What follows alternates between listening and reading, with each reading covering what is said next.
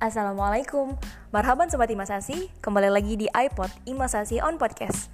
Kali ini di episode kedua, kita kedatangan salah seorang yang udah senior banget nih di Imasasi Beliau itu merupakan ketua umum Imasasi juga di tahun kedua di periode 2014 sampai 2015 eh, Ada Kang Rinaldi Supriyadi di sini, halo Kang. Um, jadi sebelum kita kenalan atau misalkan jadi ke hari ini kita ada pembahasan yang lumayan seru banget nih. Jadi karena di akhir kita sekarang ada di akhir tahun di bulan Desember kita pengen nanya-nanya nanti sama Kang Aldi mengenai prospek bahasa Arab di masa mendatang atau di tahun mendatang yaitu tahun 2020 tapi sebelumnya sebelum kita ke berlanjut ke topik kita hari ini pengen nanya-nanya dulu nih kira-kira pengalaman Kang Aldi dari tahun 2014 yang udah ada di Imasasi sampai sekarang di tahun 2014 2019 berarti itu udah terhitungnya lima tahun ya Kang ya? kira-kira ada apa aja sih Kang yang udah didapetin di Imasasi itu? Buat saya atau buat yang lain? Saya. buat Kang Aldi pribadi. Oh, Iya, sebelumnya eh, saya Rinaldi Supriyadi, Ketua Umum Imasasi periode kedua tahun 2014-2015. Awal masuk Imasasi memang eh, saya mengikuti alur dari awalnya ya, pembentukan dari awalnya.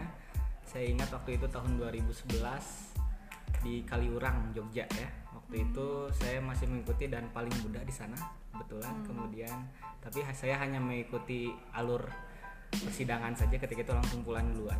Di situ saya dimasukkan terlebih dahulu ke divisi eksternal oleh ketua umum pertama yaitu Kang Basir, ya, Kang Basir pada tahun 2011 2012 ya, kebetulan dua- 2011 2012 saya masuk divisi eksternal tapi kemudian saya memang belum aktif di situ gitu kan.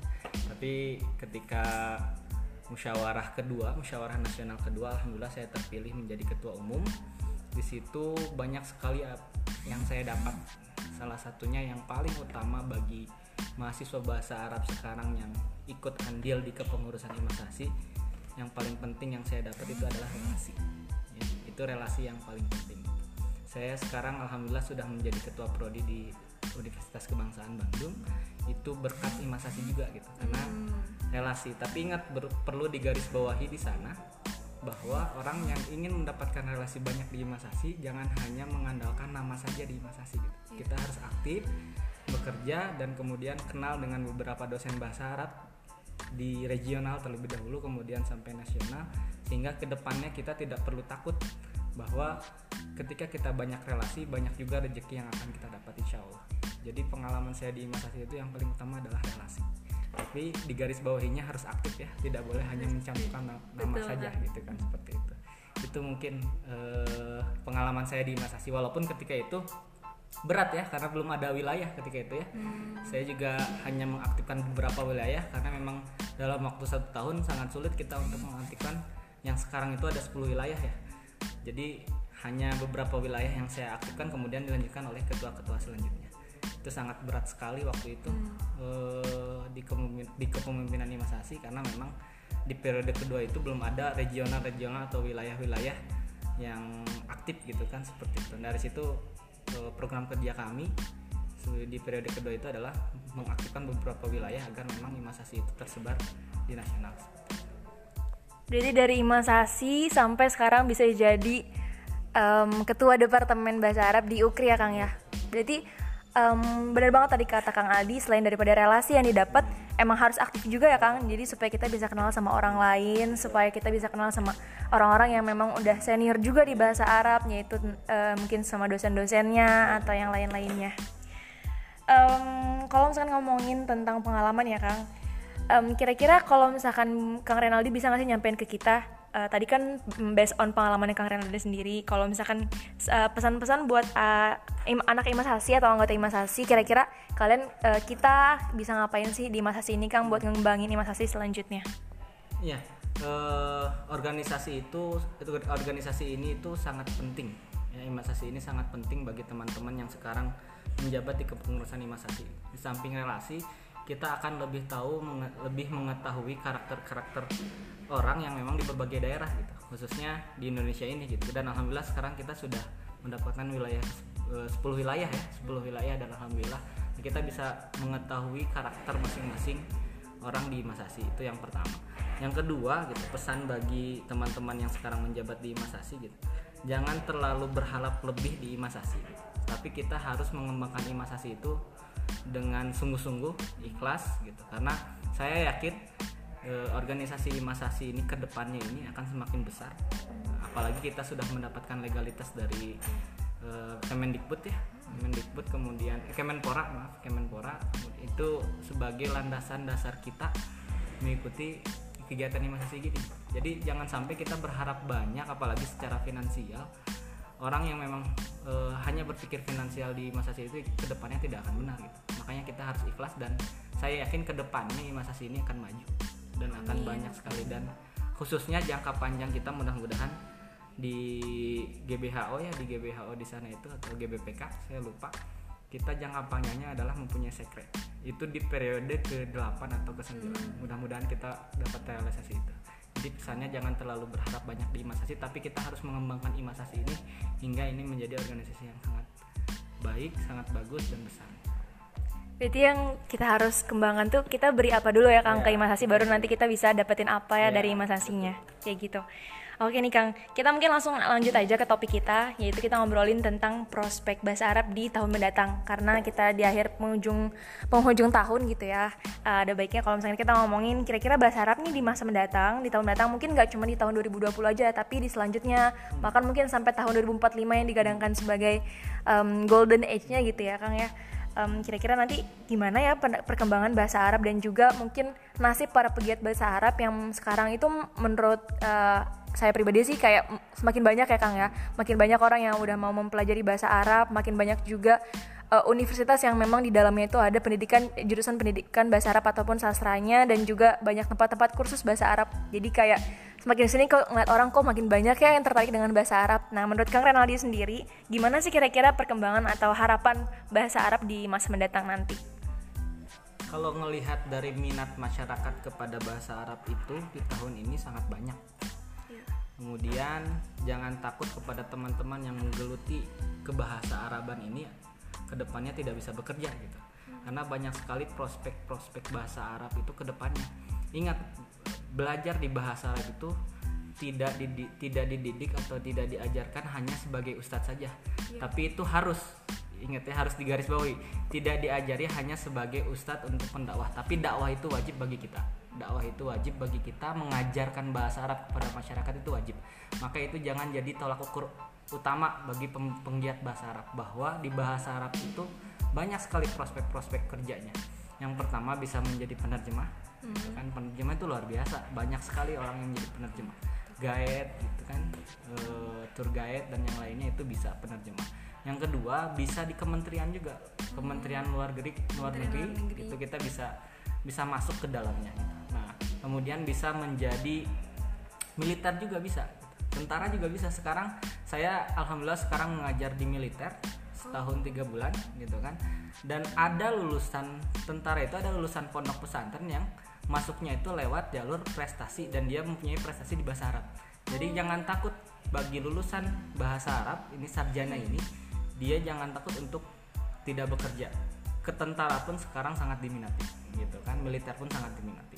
Kemudian yang selanjutnya bisa e, bekerja sebagai diplomat gitu kan berdiplomasi dengan Timur Tengah dengan yang lain dengan kampus-kampus yang lain gitu maka sekarang di kurikulum bahasa Arab khususnya di universitas atau di perguruan tinggi itu ada yang namanya itu kurikulum KKN namanya. Yang mana di dalamnya itu ad, harus ada setiap jurusan bahasa Arab itu ada Arabic specific purpose.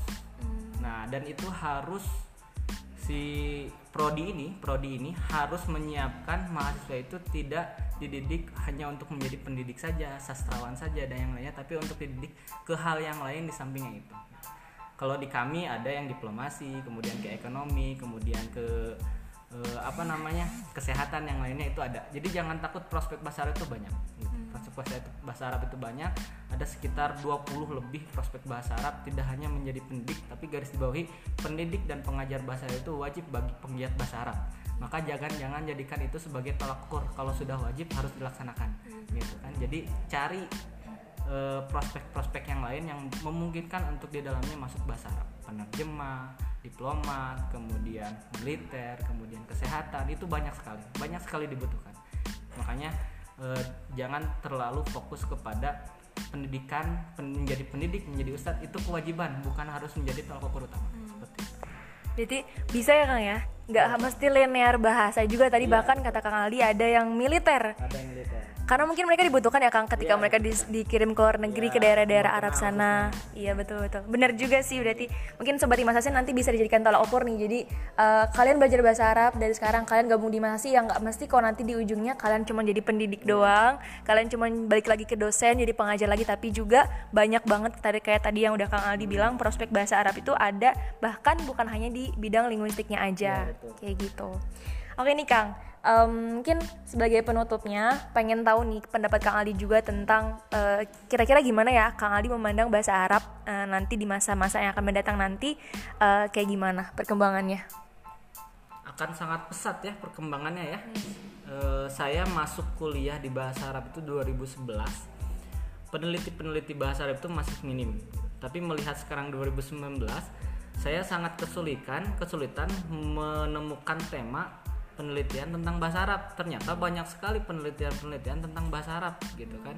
Entah itu dalam segi pendidikan, entah itu dalam segi sastra, entah itu dalam segi bahasa itu sangat banyak sekali. Maka prospek ke depannya saya yakin bahasa Arab ini akan semakin berkembang apalagi bahasa Arab itu termasuk bahasa eh, internasional gitu Iya, kan betul. bahasa PBB ya gitu jangankan pada saat sekarang pada saat dulu juga perkembangan bahasa Arab itu sebenarnya sudah diakui di internasional gitu hanya hanya ini yang perlu digarisbawahi. Orang-orang berpikir bahwa bahasa Arab itu hanya khusus untuk muslim. Gitu. padahal padahal bahasa Arab itu adalah bahasa internasional. Bahkan di sidang PBB itu bahasa Arab itu dipakai karena menjadi bahasa internasional, Internasional. gitu, bahasa internasional. Jadi bahasa Arab itu sangat dibutuhkan oleh semua orang, apalagi oleh seorang muslim gitu kan, apalagi oleh seorang muslim untuk mengetahui kitab suci Al-Qur'an, untuk mengetahui hadis dan ini kita dan apa apa pun itu yang berkaitan bahasa Arab, kita harus mengetahui bahasa Arab dasar-dasarnya seperti itu. Jadi saya kira bahasa Arab itu akan sangat pesat perkembangannya, apalagi penelitian bahasa Arab banyak. Makanya saya berpesan kepada teman-teman imasasi yang sekarang menjadi pem- eh, pengurusan imasasi itu salah satu yang harus dilakukan oleh kalian itu ya adalah literatur ya membaca gitu kan. Betul. membaca. PR untuk kita Nah, semua. PR untuk kita semua itu adalah membaca. Banyak membaca. Ingat membaca itu eh, kemarin kata Prof. Sihab ya di dalam seminarnya itu membaca itu berpikir. Membaca itu berpikir maka kita harus sering banyak membaca khususnya dalam segi kebahasa Araban makanya saya yakin ke depannya kalau misalnya eh, teman-teman di Masasi yang sekarang di kepengurusan di Masasi itu memberikan eh, apa apa memberikan kewajiban kepada penguasa Imasasi untuk membaca membaca maka insya Allah Imasasi itu akan menjadi orang-orang yang pintar penggiat bahasa. Arab kemudian dia sangat akan sangat mencintai bahasa Arab kalau lebih dalam membaca bahasa Arab Oke, karena Naldi, eh, kita udah ngobrol cukup lama tadi, udah eh, 10 menit lebih nih kita ngomong ngomongin tentang bahasa Arab, baik itu tentang prospek bahasa Arab di masa mendatang atau eh, eh, dan juga perkembangan bahasa Arab nanti nih. Dan tadi udah dapat pesan-pesan juga dari Kang Renaldi ya kalau misalkan kita itu memang dari sekarang harus membudidayakan membaca supaya bahasa Arab tuh nggak hanya dikenal eh, orang-orang orang muslim aja. Tapi karena yang tadi Kang Renaldi bilang juga bahasa Arab itu memang sudah diakui sebagai bahasa internasional. Jadi eh, sebenarnya belajar bahasa Arab itu bukan cuma untuk orang-orang muslim aja ya Kang gitu. Jadi kita memang harus eh, mungkin menghilangkan stigma Arab a- Arab itu hanya untuk muslim tapi kita juga harus mengembangkan bahasa Arab lebih luas lagi ke dunia lagi dan eh, mungkin bisa nanti lebih eh, maju lagi untuk imasasi mungkin Dan bisa ya, ke literasi luar. itu kalau dulu teori literasi itu hanya untuk membaca dan menulis ya Iya. kalau dulu gitu kan. Kalau sekarang itu ada teori baru tentang literasi bahwa literasi itu sudah masuk ke dalamnya itu empat keterampilan bahasa gitu kan. Dari segi menyimak kemudian berbicara kemudian membaca dan kemudian menulis. Maka tidak tidak hanya membaca dan menulis saja tapi kita harus menyimak gitu kan menyimak. Hal yang pertama dalam keterampilan bahasa itu menyimak kemudian mem- berbicara kemudian me- membaca dan terakhir menulis. Yang paling penting bahwa metode pembelajaran yang kemarin dibilang yang yang saya dengar dari Prof. Shihab, Prof. Shihabuddin itu um, sehabis membaca itu kita harus menulis. Sehabis membaca kita harus menulis. Sehingga kita eh, hasil dari membaca kita itu ada hasilnya ada produknya jadi harus digarisbawahi bahwa literasi sekarang itu bukan hanya membaca dan menulis tapi empat keterampilan di dalamnya itu sudah masuk menyimak berbicara membaca dan menulis. Jadi saling berkaitan ya, Iya, Kang ya. Oke Kang, Em, tadi eh, kita harap semoga per- perbincangan kita yang singkat tadi bisa bermanfaat untuk sobat imasasi semuanya. Kita mungkin perlu yang kita ingat adalah kita harus terus eh, berkembang dan juga mm, mungkin menyesuaikan zaman ya Kang ya. Kita eh, yang tadi Kang Renaldi bilang juga membaca itu bukan hanya kita Literasi itu bukan eh hanya literasi itu bukan hanya membaca dan menulis, tapi juga masuk ke dalam ke- keempat keterampilan yang ada dalam bahasa Arab yaitu menyimak, mende- berbicara, mendengar dan Iya, membaca membaca, dan menulis keempatnya itu. Oke karena Aldi makasih banyak banget buat waktunya. Em, mungkin nanti di so- eh, sobat Imasasi makasih juga yang deng- dengerin podcast kita hari ini. Sampai jumpa di episode sel- episode selanjutnya. Assalamualaikum.